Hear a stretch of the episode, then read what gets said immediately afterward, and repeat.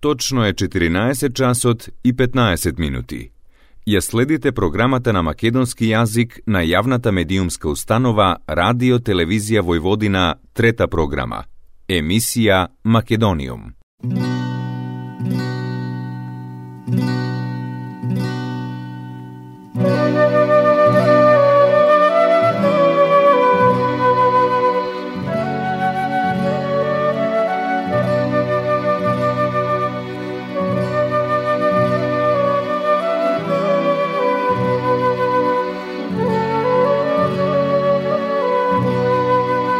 Македониум.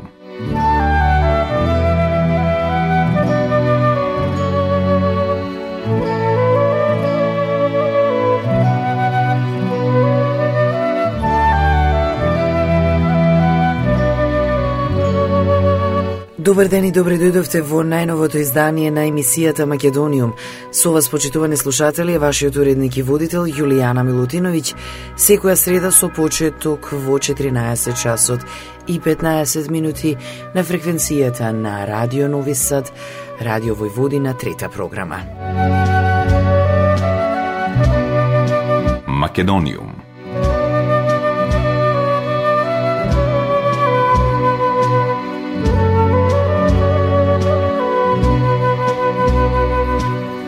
Првата преубава вест со која започна овој месец е дека 18 годишната Стефанија Гаштарска е првата македонска балерина која стана дел од светски познатиот театар Болшој во Москва.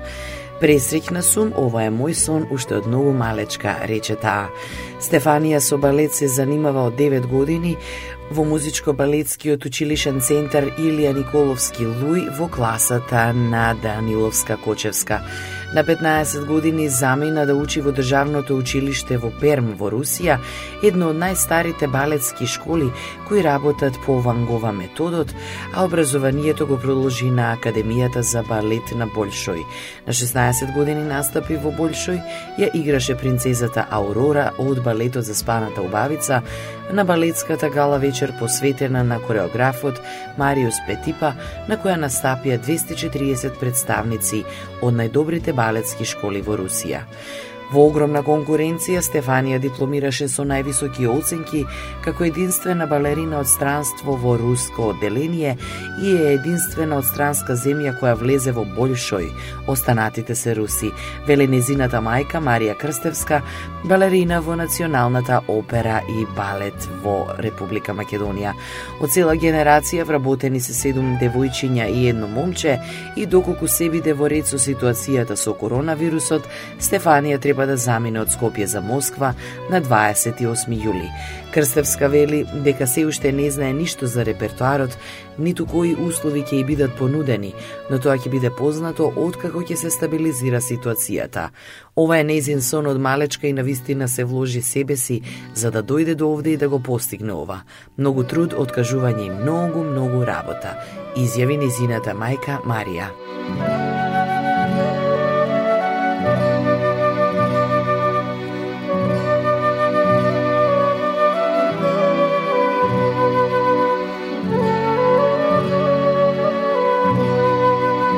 Македониум.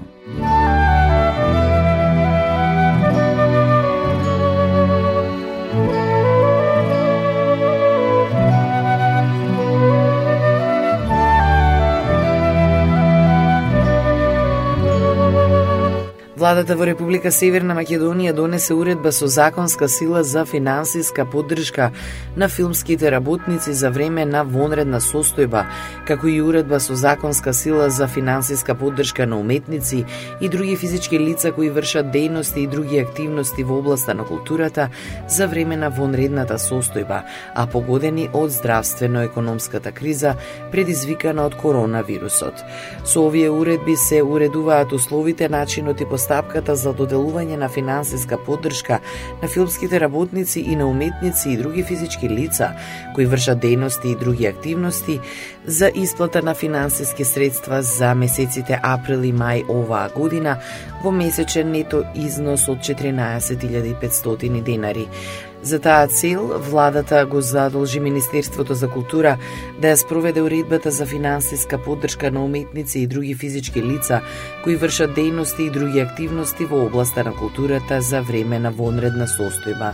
Со оваа уредба се опфатени уметниците и други физички лица кои самостојно вршат дејности или друг вид активности во областа на културата, државјани на Република Северна Македонија, а кои самостојно или преку авторски или друг вид на договор учествуваат во реализација на проект поддржан на годишните конкурси за финансирање на проекти од национален интерес во културата за оваа година или пак учествуваат во реализација на проект поддржан од меѓународните фондови, односно меѓународни организации, ако е откажан поради здравствено-економската криза предизвикана од коронавирусот. Уредбата за финансиска поддршка на филмските работници за време на вонредна состојба ќе се спроведува преку Агенцијата за филм на Република Северна Македонија. Согласно оваа уредба, корисник на финансиска поддршка може да биде филмски работник, барател на финансиска поддршка, државјанин на Република Северна Македонија, кој во последните пет години работел на минимум три филма поддржани од агенцијата, како и на реализација на филмови кои се поддржани од агенцијата, а во чие производство барателот на финансиската поддршка требало да учествува а која е откажана или одложена поради здравствено-економската криза. Финансиската поддршка од овие уредби со законска сила не може да ја оствари барател кој е опфатен со уредбата за финансиска поддршка на самостојните уметници за време на вонредна состојба, а кој е веќе во редовен работен однос или е примател на пензија согласно евиденцијата на Фондот за пензиското и инвалидското осигурување на Република Северна Македонија. Македониум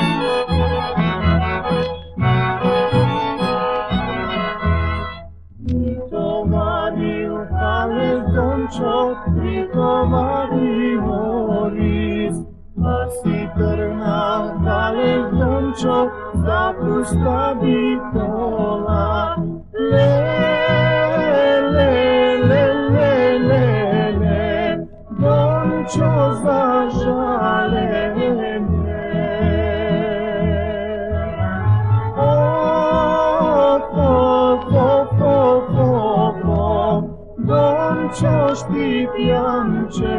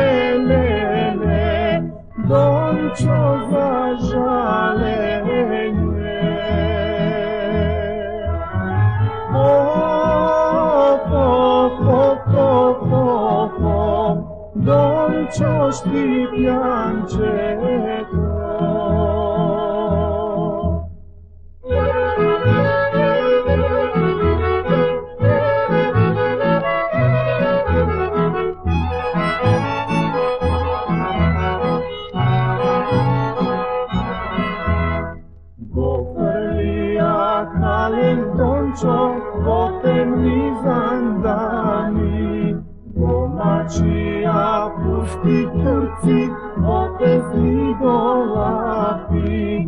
Ле, ле, ле, ле, ле, ле, дончо зажале.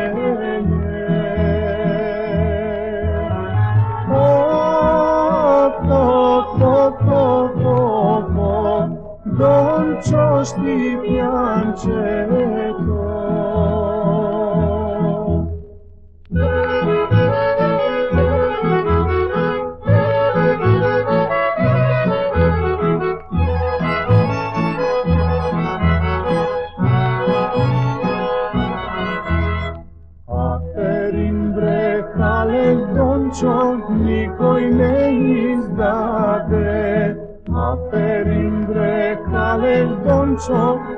koymayız dabe le le le le le le don çoza jale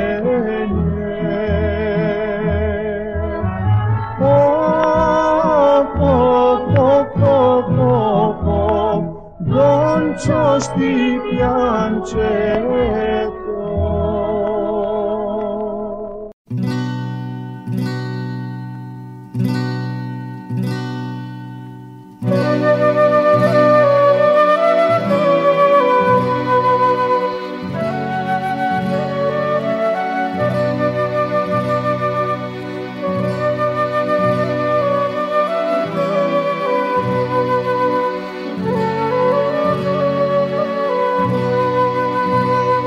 Македониум.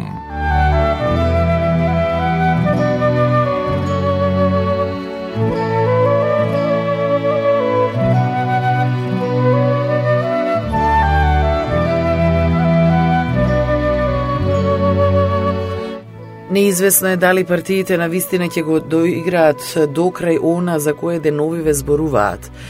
СДСМ е категоричен дека повеќе не отстапува од 5 јули како изборен ден, а ВМРО ДПМН не сакат ни да разговара за изборите туку само за коронавирусот. Првата од двете седмици од четвртата вонредна состојба е при крај, а двете најголеми партии не мрднаа ниту милиметар кон компромисно решение за датумот за предвремените парламентарни избори. СДСМ е на позицијата дека по сила на Уставот и законите ќе се гласа на 5 јули, а ВМРО ДПМН се помалку го споменува гласањето и се фокусира на корона кризата која се влошува во последниве денови. Сите канали за комуникација помеѓу лидерите Зоран Заев и Христијан Мицковски се прекинати и неизвестно е дали партиите на вистина ќе го одиграат до крај она за кое деновиве зборуваат. СДСМ е категоричен дека повеќе не одстапува од датумот за избори, затоа што е несериозно и опасно државата да продолжи да функционира со техничка влада и без собрание, а за ВМРО ДПМН е несериозно и опасно е да се води кампања и да се гласа кога секој ден има нови заболени и починати од коронавирусот. Македонија се соочува со најжестоката здравствена и економска криза и народот е фокусиран на овие прашања изјави вчера Мицковски, кој уште еднаш повтори дека во такви услови не размислува за избори. Негов став е дека ќе одат на избори кога епидемијата ќе биде поразена и кога дневно ќе има нула заразени и починати, а официјалната позиција на партијата дека треба да се гласа на крајот на август или почетокот на септември не е променета. Мицковски нуди соработка на СДСМ, како што рече, за да се спасуваат животи. До петокот имаше канал за комуникација и разговаравме за можни сценарија, но од тогаш нема канал за соопштување на позициите, од тогаш состојбата е алармантна со десетици мртви и стотици новозаболени и не се чувствувам пријатно да зборувам за датум. Ова не може да се квалификува како ситуација во која можам да живеам. Јас не би се чувствувал веж да разговарам што би се случувало за неколку недели од сега. Да бидеме сериозни, треба да се направи мораториум на дневно политичките теми проблеми и да се фокусираме сите во надминувањето на пандемијата. Прво тоа да го завршиме, а потоа во првиот слободен термин да ги организираме изборите, апелира Мицковски. На прашањето што ќе прави неговата партија ако СДСМ и ДУИ се одлучат за избори на 5 јули, тој рече секоја чест ако тие решат да одат на избори кога броиме десетици заболени починати. Македониум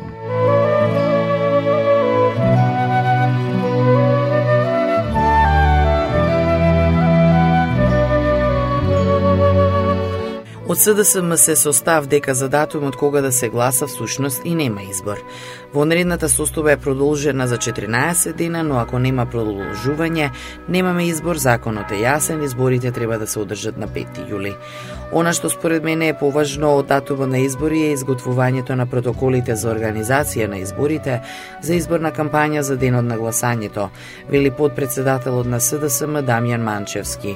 Според него најдобро е да се оди на избори со консензус од сите политички субјекти и додаде дека опозицијата бега од избори бидејќи ги знае ретензите што покажуваат водство на СДСМ. Зголемувањето на бројот на инфицираните е затоа што оние што беа најодговорни, МВР, еднострано решија да не ги казнуваат и граѓаните, масовно не ги почитуваа мерките за заштита, знаејќи дека нема санкции, рече Манчевски. Подпредседателот на ВМРО ДПМН, Владо Мисајловски пак, реагирајќи на изјавата на Заев дека ова е последна вонредна состојба, нагласи дека тие нема да дозволат избори. Како знае Заев дека ова е последно проложување на вонредната состојба, дали тие ја носат политички, малку разум треба да се има ако по секоја цел сакаат да одат на избори и да бидат извор на пандемија. Тоа не го заслужиле граѓаните и ние нема да го дозволиме. Неголемата албанска партија пак ДУИ во своите изјави се позиционира некаде на средина помеѓу СДСМ и ВМРО ДПМНЕ и го остава датумот отворен. Според Бујар Османи, ако не се одржат изборите на 5 јули, тогаш ќе бидат на есен. Ќе се направат избори да се создадат услови, но и консензус за 5 јули. Но ако нема услови, дефинитивно избори ќе има на есен.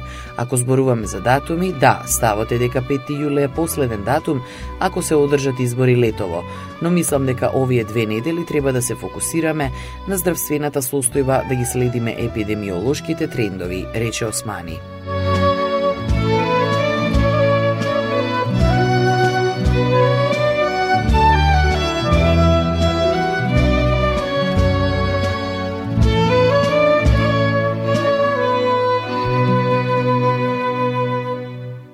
Македониум.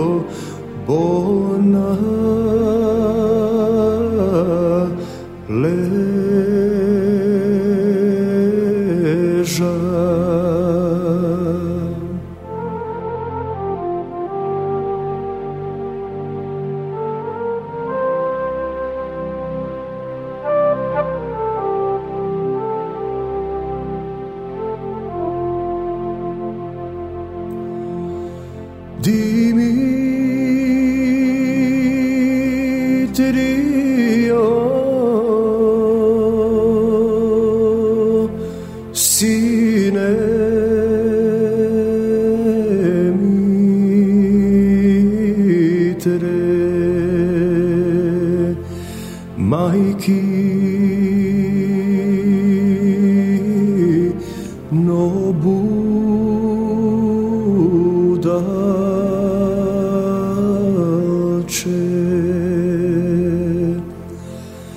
zarne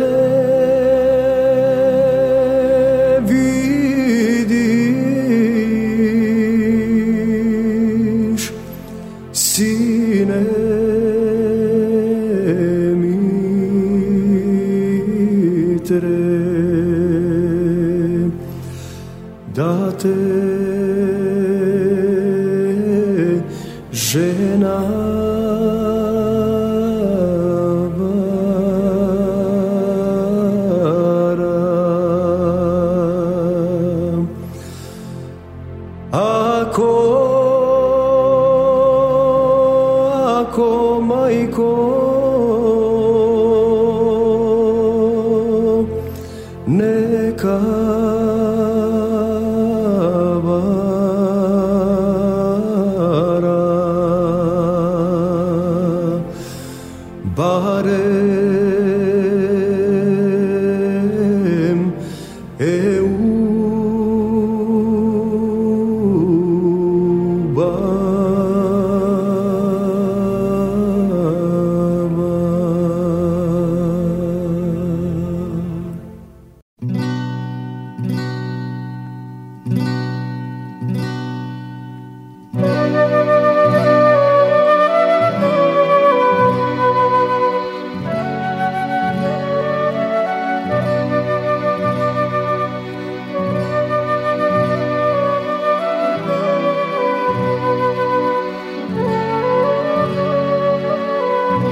Македониум.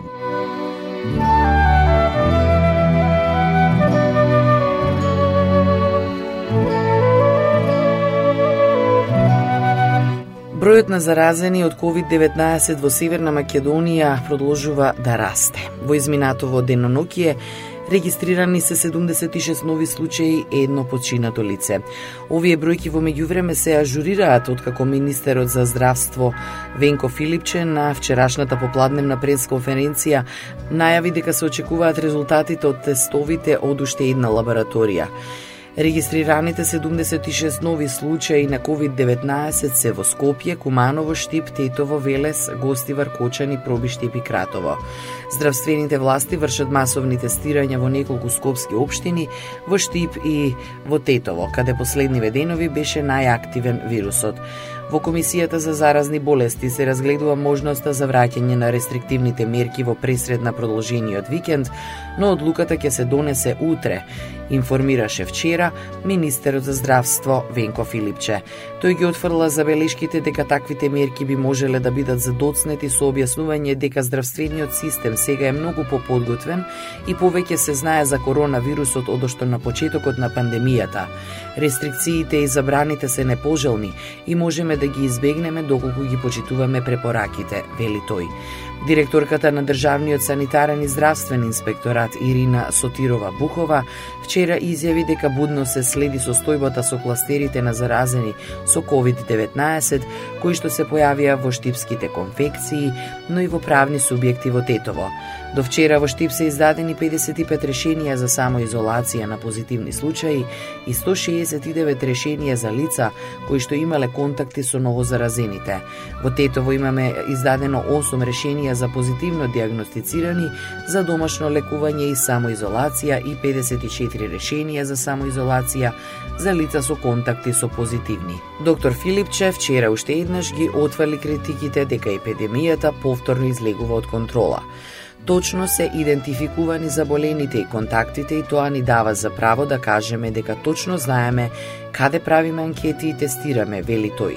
Целокупната работа беше водена и се уште се води од стручно и професионално лице или тим врз основа на одличен систем на соработка на здравствените работници. Министерот за здравство објаснува дека навидум по високата смртност од коронавирусот која се бележи во земјата се должи на автентичен начин на евидентирање на случаите. Имено во Северна Македонија се прави постмортем тестирање на сите смртни случаи, што не е случај во сите земји од регионот. На тој начин, вели Филипче, се добива вистинска слика за епидемијата и се заштитуваат граѓаните. Македониум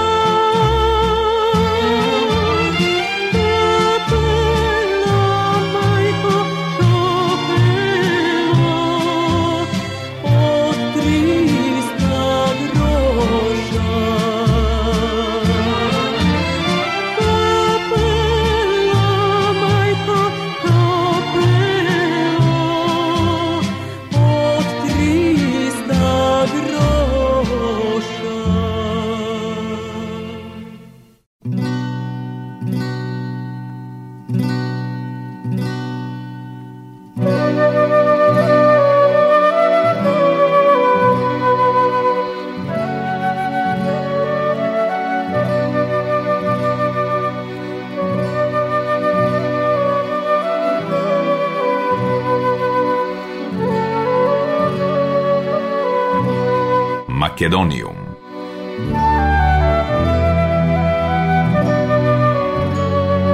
Почитувани слушатели, тоа беше се во денешното издание на емисијата Македониум. До следната среда во исто време, срдечен и голем поздрав од вашиот уредник и водител Јулијана Милутиновиќ. Ја следевте програмата на македонски јазик, емисија Македониум. Главен и одговорен уредник Воин Поповиќ.